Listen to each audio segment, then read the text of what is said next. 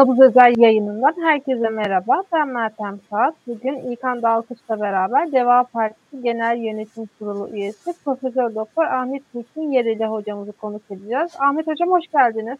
Hoş bulduk. İyi akşamlar diliyorum herkese. İyi akşamlar. Ahmet Hocam ben hemen size geçtiğimiz günlerde Deva Partisi'nin Gaziantep'te yaptığı ve geniş yankılan mitingini sorarak başlamak istiyorum.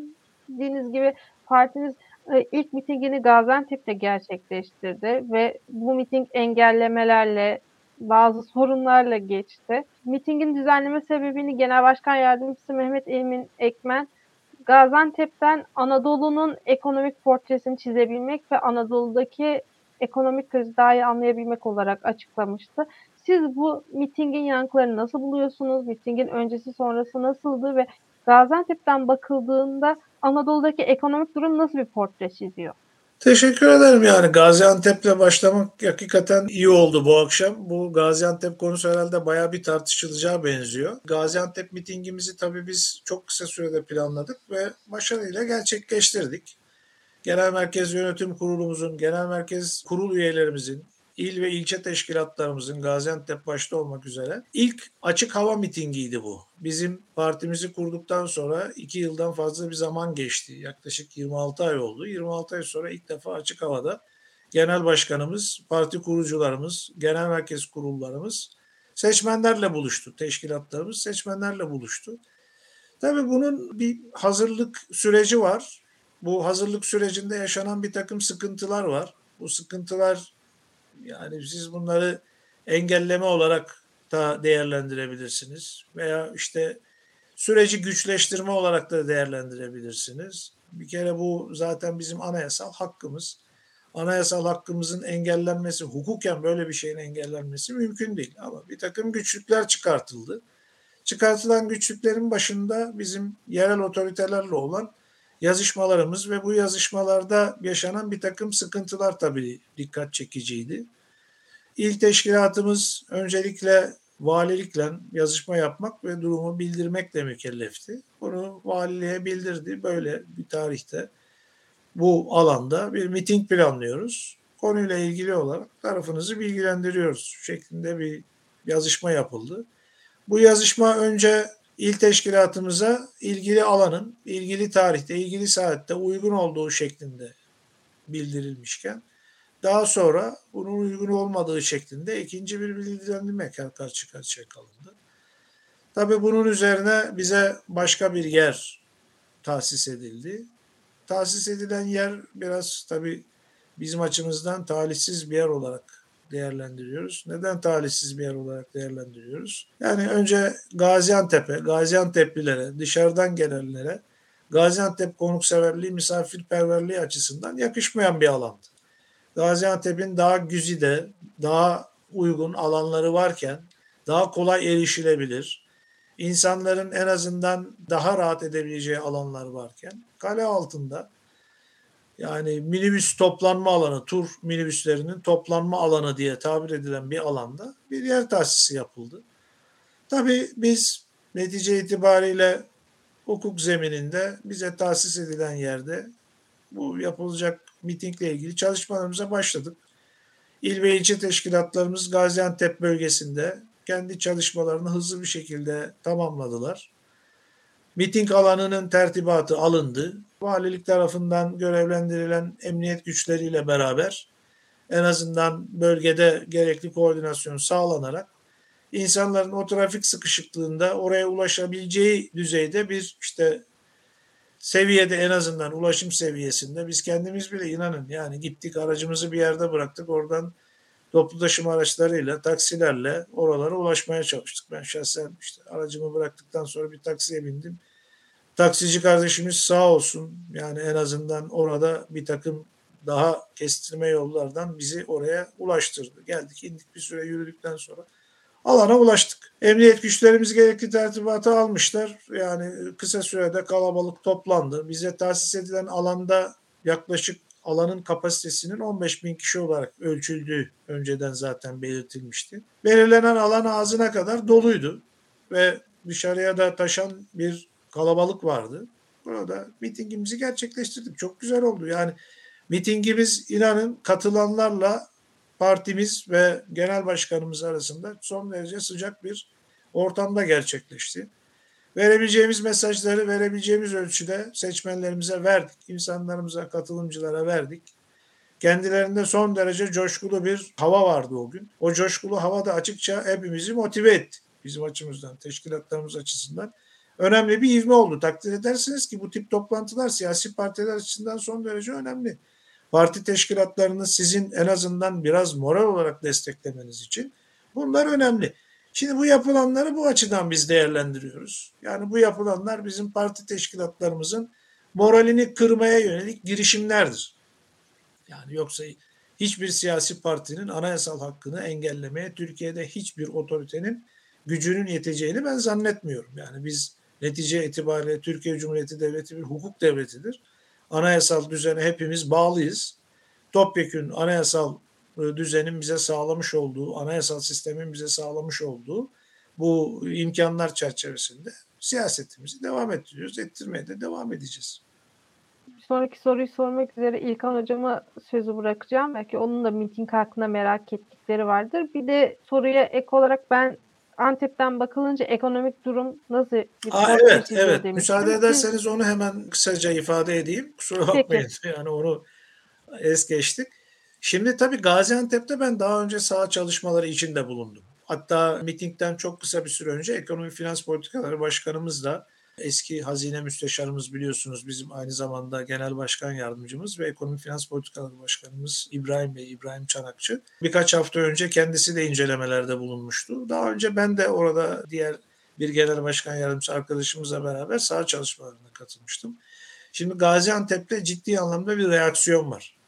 Gaziantep bir kere ekonomik açıdan, kültürel açıdan Türkiye genelini temsil eden illerimizden bir tanesi. Bir büyük şehir zaten biliyorsunuz Gaziantep. Türkiye'nin sınır bölgesinde yer alan bir büyük şehir ve tabii aynı zamanda Suriye'ye olan yakınlığı dolayısıyla Suriye ile ilgili mülteci sorununu da yakından yaşayan şehirlerimizden bir tanesi il ve ilçeleriyle birlikte. Şimdi orada öncelikle mülteci sorunundan kaynaklanan sorunları bizzat yerinde zaten müşahede etmiştik. Bir. iki son dönemde yaşanan ekonomik krizle ilgili olarak ciddi olarak insanlar da bireysel anlamda şirketlerde, esnafta, tüccarda, sanayicide, ihracatçıda hepsinde sıkıntı var. Hepsinde sıkıntı var. Yani bunu net insanlarla birebir konuştuğunuzda görebiliyorsunuz. Ve Gaziantep halkı özgüveni yüksek bir halk. Gaziantep'te insanlar tepkilerini doğrudan dile getirebiliyorlar. Pazar yerlerine gidiyorsunuz. Pazar yerlerindeki insanlar bas bas bağırıyorlar. Dinliyorsunuz. Sıkıntılarını yüksek sesle size anlatmaya çalışıyorlar. Şimdi insanların sıkıntılarını anlatırken yaşadıkları heyecandan o sıkıntının izlerini zaten kendilerinde çok net görebiliyorsunuz. Yüksek sesle bağırıyorlar. Herkesin duyabileceği şekilde sıkıntılarını dile getiriyorlar. E şimdi tabii burada bizim muhalefet olarak insanların arasında dolaşıp onların sıkıntılarını dinleyip çözüm üretmeye çalışmamız doğal ama tabii şu an Türkiye'yi yönetenlerin de bu insanların yanına gidip bu insanların içine girip bir nebze olsun onları dinlemeleri lazım. Şimdi bu maalesef yani Gaziantep'teki insanın, pazar yerindeki insanın, dükkanındaki esnafın, tarlasındaki çiftçinin sıkıntısını, bağırtısını, çağırtısını siz Ankara'dan duyamıyorsanız o zaman Türkiye gerçeğinden çok uzaklaşmışsınız demektir. Türkiye'nin sorunlarını anlamakta güçlük çekiyorsunuz demektir. Gaziantep'teki insanların sorunları çok büyük inanıyorum. Çok büyük. Kadınıyla erkeğiyle müteşebbis bir şehir Gaziantep. Anadolu kaplanlarının biliyorsunuz işte zamanında bizim özellikle rahmetli Turgut Özal'dan sonra son derece önemli sloganlardan biri olmuştu. Hele 2000'li yıllarda da bizim övünç kaynağımız Anadolu kaplanları. E Anadolu kaplanlarının çıktığı şehirlerden bir tanesi Gaziantep. Birkaç tane üniversitesi olan bir şehir. İnanır mısınız bakın Gaziantep Türkiye'de en fazla yabancı öğrencinin bulunduğu üniversitelerinde en fazla yabancı öğrenci barındıran şehir. Böyle bir şehir Gaziantep. Bizim dünyaya açılan kapılarımızdan bir tanesi. Fakat mutsuz. Her açıdan mutsuz. Bunu net görüyorsunuz. Sokaklarda görüyorsunuz. İnsanlarla birebir oturduğunuzda görüyorsunuz. Bakırcılar çarşısında görüyorsunuz. Tarihi alanlarda görüyorsunuz. Mücavir alanlarda görüyorsunuz. Tarlada da görüyorsunuz. Şehrin göbeğinde de görüyorsunuz. Hocam ben Gaziantep'i açıkçası sizin partiniz açısından da muhtemelen şanslı olacağınız illerden biriymiş gibi hep tahmin etmiştim. Orada ilk mitingin yapılması da bayağı doğru düzgün, çok çok iyi bir karar olmuş. Hatta şunu da söyleyeyim, o mitingle beraber Deva Partisi'ne hem motivasyon, moral falan dediniz ama onun bir de tüm muhalefet açısından söyleyebilirim. Bu mitingin Deva Partisi ile tüm Türkiye'deki muhalefet arasındaki ilişkileri de iyileştirdiğini ben gördüm kendi adıma. Onu söyleyebilirim. Yani ondan evet. öncesinde bir şey vardı. Yani hakikaten bu deva eski Adalet ve Kalkınma Partililer vesaire diyen insanlarda da bir yumuşama da sezdim kendi adıma. Onu da söyleyeyim. Yani sosyal ilişkilerin çünkü sosyal medyadaki nefret, öfke karşılıklı birbirine zıt gitmenin dışında o miting sahada insanlar oldukları zaman daha rahat anlaşıyorlar belki de. Onu düşünüyorum açıkçası kendi Doğru adıma. düşünüyorsunuz. Yani, son derece doğru. İnsanların o alanda iletişim kurmaları son derece önemli bir faktör siyasette. Farklı görüşten insanları bir araya getiriyorsunuz. Yani bizim orada bizi izlemeye gelenlerin içinde Deva Partisi acaba nedir diye gelenlerin olduğunu da biliyoruz. Nitekim Gaziantep teşkilatımız son birkaç gün içinde kendilerine gelen üye kayıtlarından bunu da teyit ettiler. O gün oraya izlemeye gelen acaba bunlar kimdir, nedir, ne değildir? Ali Babacan denilen şahıs nedir? Yakından görelim. Ne anlatıyor? Ne söylüyor? Samimi midir, değil midir? İnsanların bir kere canlı bulundukları mekanda birbirleriyle olan göz teması, ses tonunu canlı olarak duyması, dinlemesi, ikna edicilik bu açıdan çok önemli.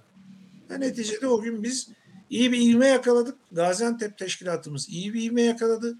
Ali Babacan'ın güvenilirliğini, samimiyetini, ses tonundaki naifliği bu ülkede artık kavgacı siyasetin sona ermesini isteyenler tarafından görülmesi bizim için en önemli değerlerden bir tanesi oldu.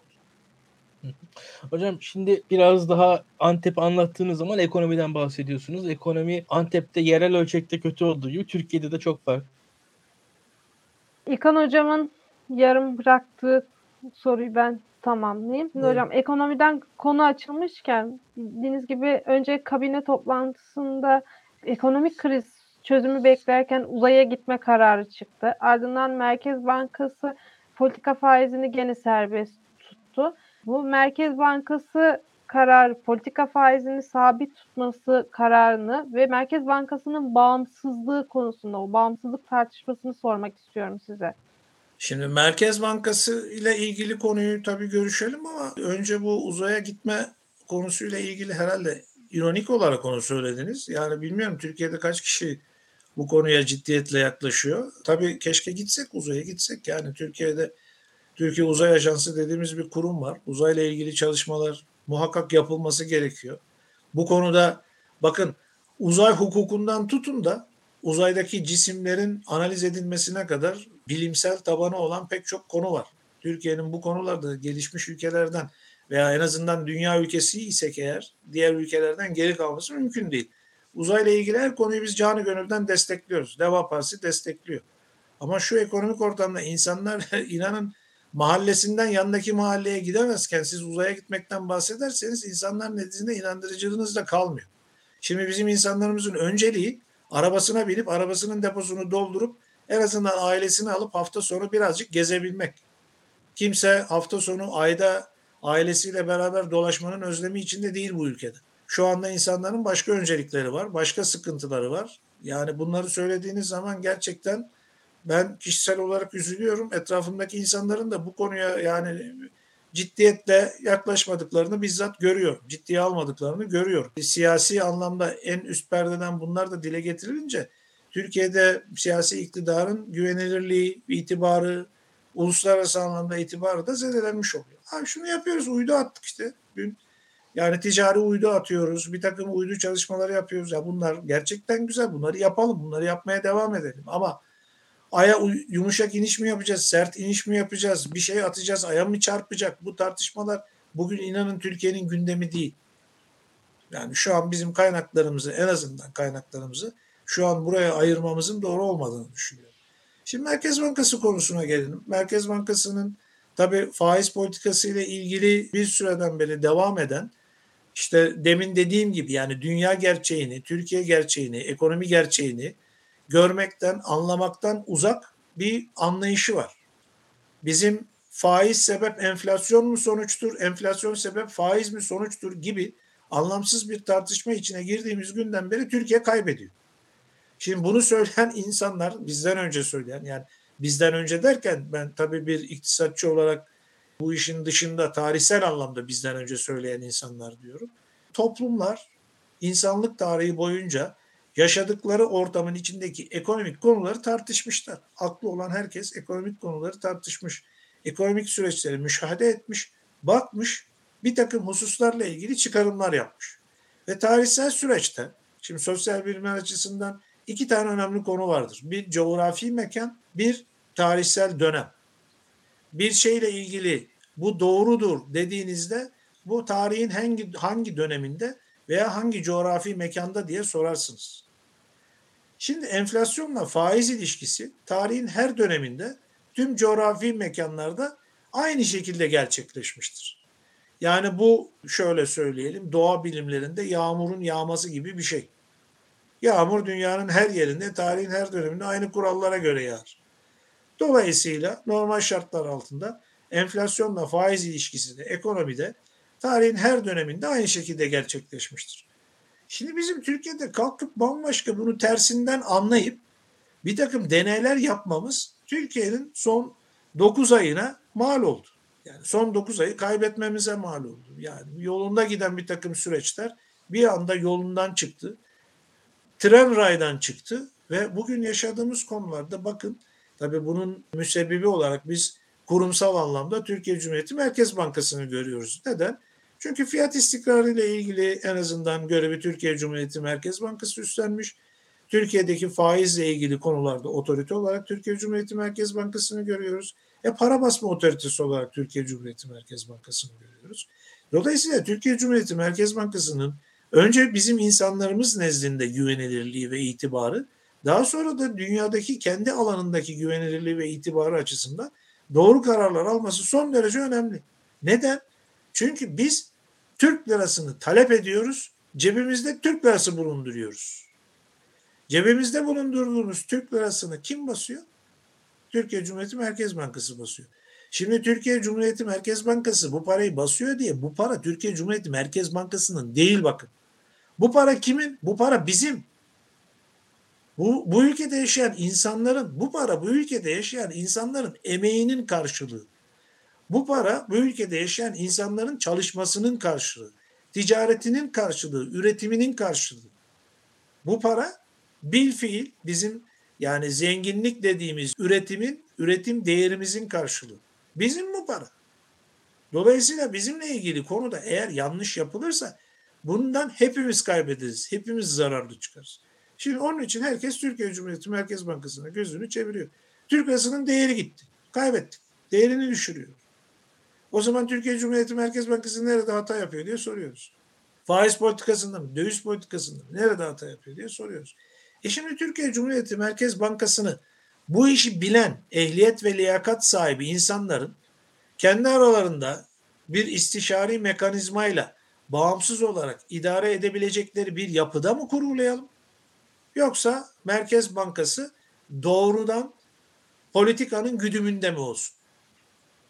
Şimdi kurumların bağımsızlığı veya kurumların işte bir vesayet rejimi altında işlemesi gibi iki tane tercihle karşı karşıyayız. Yine aynı şekilde bakın bu konuyla ilgili bugüne kadar yaşanan ekonomik politik tercihler Merkez Bankası'nın bağımsız olması gerektiği konusunda bir sonuçla en azından karşımıza çıkıyor. Gelişmiş ülkeler, güçlü ülkeler, ekonomik olarak güçlü ülkeler merkez bankalarını mümkün olduğu kadar özerk yapıda veya bağımsız yapıda tanımlamıştır.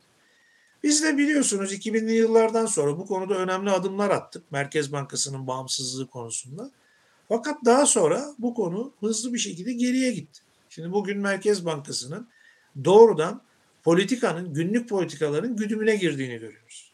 Günlük ve anlık politikalar Merkez Bankası'nın tabi bağımsızlığını ortadan kaldırdıktan sonra şimdi bu politikalar tabi politika olarak e, biz diyelim ki 6 ay sonra seçim var. Politik tercihimiz ne olacaktır? Türkiye'yi yönetenler açısından 6 ay sonraki seçimi kazanmak olacaktır. Bu da doğal bakın yanlış bir şey değil. Bütün siyasi hangi siyasi parti iktidarda olursa olsun 6 ay sonra seçim varsa 6 ay sonraki seçimi kazanmak isteyecektir. Şimdi Merkez Bankası'nın bağımsızlığı neden önemli? Hangi siyasi parti olursa olsun 6 ay sonra seçimi kazanmak için Merkez Bankası'nı bu seçime kazanma politikalarının bir aracı yapmasın diye önemlidir. Bu şekilde Merkez Bankası'nı eğer siz seçimi kazanma sürecinde kendi menfaatlerinize karşı kullanır da yanlış yaparsanız bu sefer ne olur? Kendi emeğinin karşılığını herkes heba etmiş olur. Bu açıdan Merkez Bankası'nın bağımsızlığı önemli. İşte bugün bakıyorsunuz son 9 aydan beri Merkez Bankası bir faiz indirme inadıyla başladı. Daha sonra faizi ise baktı olmuyor bari sabit tutalım dedi. İşte bu noktaya kadar geldik. Bunun karşılığında döviz 2-2,5 kat değer kazandı. Hatta bir ara 3 katına kadar çıkmıştı da oradan geri gitti. Ve şimdi yani bir yıl içinde dövizdeki artıştan kaynaklanan girdi maliyetlerinden tutun da ekonominin en ince köşesine kadar kıyıda köşede ne varsa bütün işleyiş, bütün dengeler alt üst oldu. Şimdi gelin bunu düzeltin bakalım. Gelin bunu Hocam. düzeltin. Yani bir yerden bir tuşa basıyorsunuz bakın ekonomide. Burada U boruları prensibi diye bir hani vardır ya U boruları prensibi bir yerden bastırırsınız öbür tarafta bir değişiklik olur. Bu öyle değil. Burada bir yerden bastırdınız mı sayısız yerde değişiklik oluyor. Ekonomi böyle bir şeydir. Yani. Ekonomide iki kere iki her zaman dört etmez. Ekonomide, Hocam hatta ben bir tık daha ileri gideyim. Efendim? Ya ben sizin dediğinizden bir tık daha ileri gideyim. Artık o öyle bir hal aldı ki şu anki hükümet bence doğruları yapsa artık işe yarar mı emin değilim ben. Yani atıyorum sizin diyelim siz mesela gelseniz ekonomi bakanı olsanız azıcık biraz düzelseniz çok olumlu etki olur ama şu anki hükümet bence çok radikal kararlar bile alsa bu noktadan sonra çok etkisi olacağına ben inanmamaya başladım artık. Yani çünkü bu iş birazcık da güven meselesi. Ekonomi yani bundan sonrasında faizi arttırsa da artık geçmiş olsun diye düşünüyorum ben kendi adıma. Şimdi tabii o ekonomideki güven meselesi yine ayrı bir parametre bakın. Şimdi biz Merkez Bankası'nın bağımsızlığı, Merkez Bankası'nın para arzını kontrol etmesinden, faiz politikalarından itibaren başladığımızda konuşmaya güven meselesi bambaşka bir konu. Güven meselesinin de iki yönü var biliyorsunuz. Bir, sizin insanınızın size güvenmesi. İki, diğer insanların size güvenmesi. Hiç kimse sizin politikalarınıza güvenmiyorsa o zaman diyeceksiniz ki teşekkür ederiz. Yani biz buraya kadar geldik. Bundan sonra en azından bu işle ilgili olarak daha doğru yapacağını düşünen insanlara biz yer açmak istiyoruz. Ama maalesef Türkiye'deki siyaset bu olgunluğu kaybetti. Bakın bu olgunluğu kaybetti. 2002 yılında en son bu olgunluğu 2002 yılında yaşadık. 2002 yılında Türkiye'de tek başına Türkiye'yi yönetme gücünü elde eden bir siyasi parti Türkiye'yi yönetemeyeceğine inandığı için erken seçimlere gitmeyi düşündü. Erken seçimlere gittik. Bu olgunluk o partinin olgunluğuydu bu. O parti bugün de var da aynı liderler bugün de var biliyorsunuz. Ama o gün olgunca bir karar almıştı. Evet dedi ben yapamam, idare edemem yani. Bu süreçte başarılı olma şansımız yok. Dolayısıyla seçime gidelim. Halkımızın takdiri neyse o olsun denildi. O gün inanın son olarak işte 2002 yılında gidilen seçimlerde önceki iktidarın göstermiş olduğu olgunluk tarihsel olarak 20 yıl önce de kaldı. Açıkçası bu ekonomiyi konuştukça insanın konuşası geliyor. Bir yandan da şöyle bir şey var. Hükümet açısından dediğiniz Merkez Bankası'nı bir siyasal enstrüman olarak kullanmaları ihtimali var. Şimdi hükümet tarafından biraz şeytanın avukatlığını yapayım ben. Hükümet tarafından da mesela şöyle diyecekler olabilir diye düşünüyorum. Şimdi mesela yüksek faiz ortamında kimi verimsiz işletmeler, pandemi döneminde sıkıntı çekmiş işletmelerin ardı ardına batma ihtimali yok mu? Veyahut da şu anda tabii ki Türkiye'de biz hepimiz çok büyük bir alım gücü düşüşü yaşıyoruz. Ha, e, Türkiye'de yaşayan herkes bunu yaşıyor zaten yani bunun tartışması yok. Türkiye'de ha, hepimiz dünden fakiriz. Yani burada ev sahipleri işte atıyorum manavlar falan değil yani suçlu açıkçası. Veyahut da X, Y kişisi değil. Hepimiz topluca aslında geriye doğru. Belki en en en tepedeki işte binde beşlik kesim yurt dışına parasını götürüyor ha, getiriyor oradan kurtuluyor. Evet. Yani Hepimiz değil de yani bir küçük bir kitle dışında herkes diyelim. Evet. Şimdi öyle bir şey hocam şeye bakıyor insan. Yani e, bir şekilde de hükümet açısından da işsizlik zaten Türkiye'de yapısal da bir sorun. Hükümet de baştan geçmişte çok da başarılı da sayılmaz. E, ama bu işsizliğin daha akut bir noktaya çıkması riski de var. Yani şu anda faizlerin daha yüksek olduğu bir ortamda aslında ya Türkiye'de hakkı olan faiz uygulansa Türkiye'deki kriz belki başka bir yerden patlayacak. Onu ama tabii bir yandan dediğiniz de doğru. Onu da düşünüyorum. Sordukça oradan onu düzeltirken başka bir şey daha beter bozuyoruz ama Siz ne dersiniz bu konuda? Siz, bence sorumu anladınız.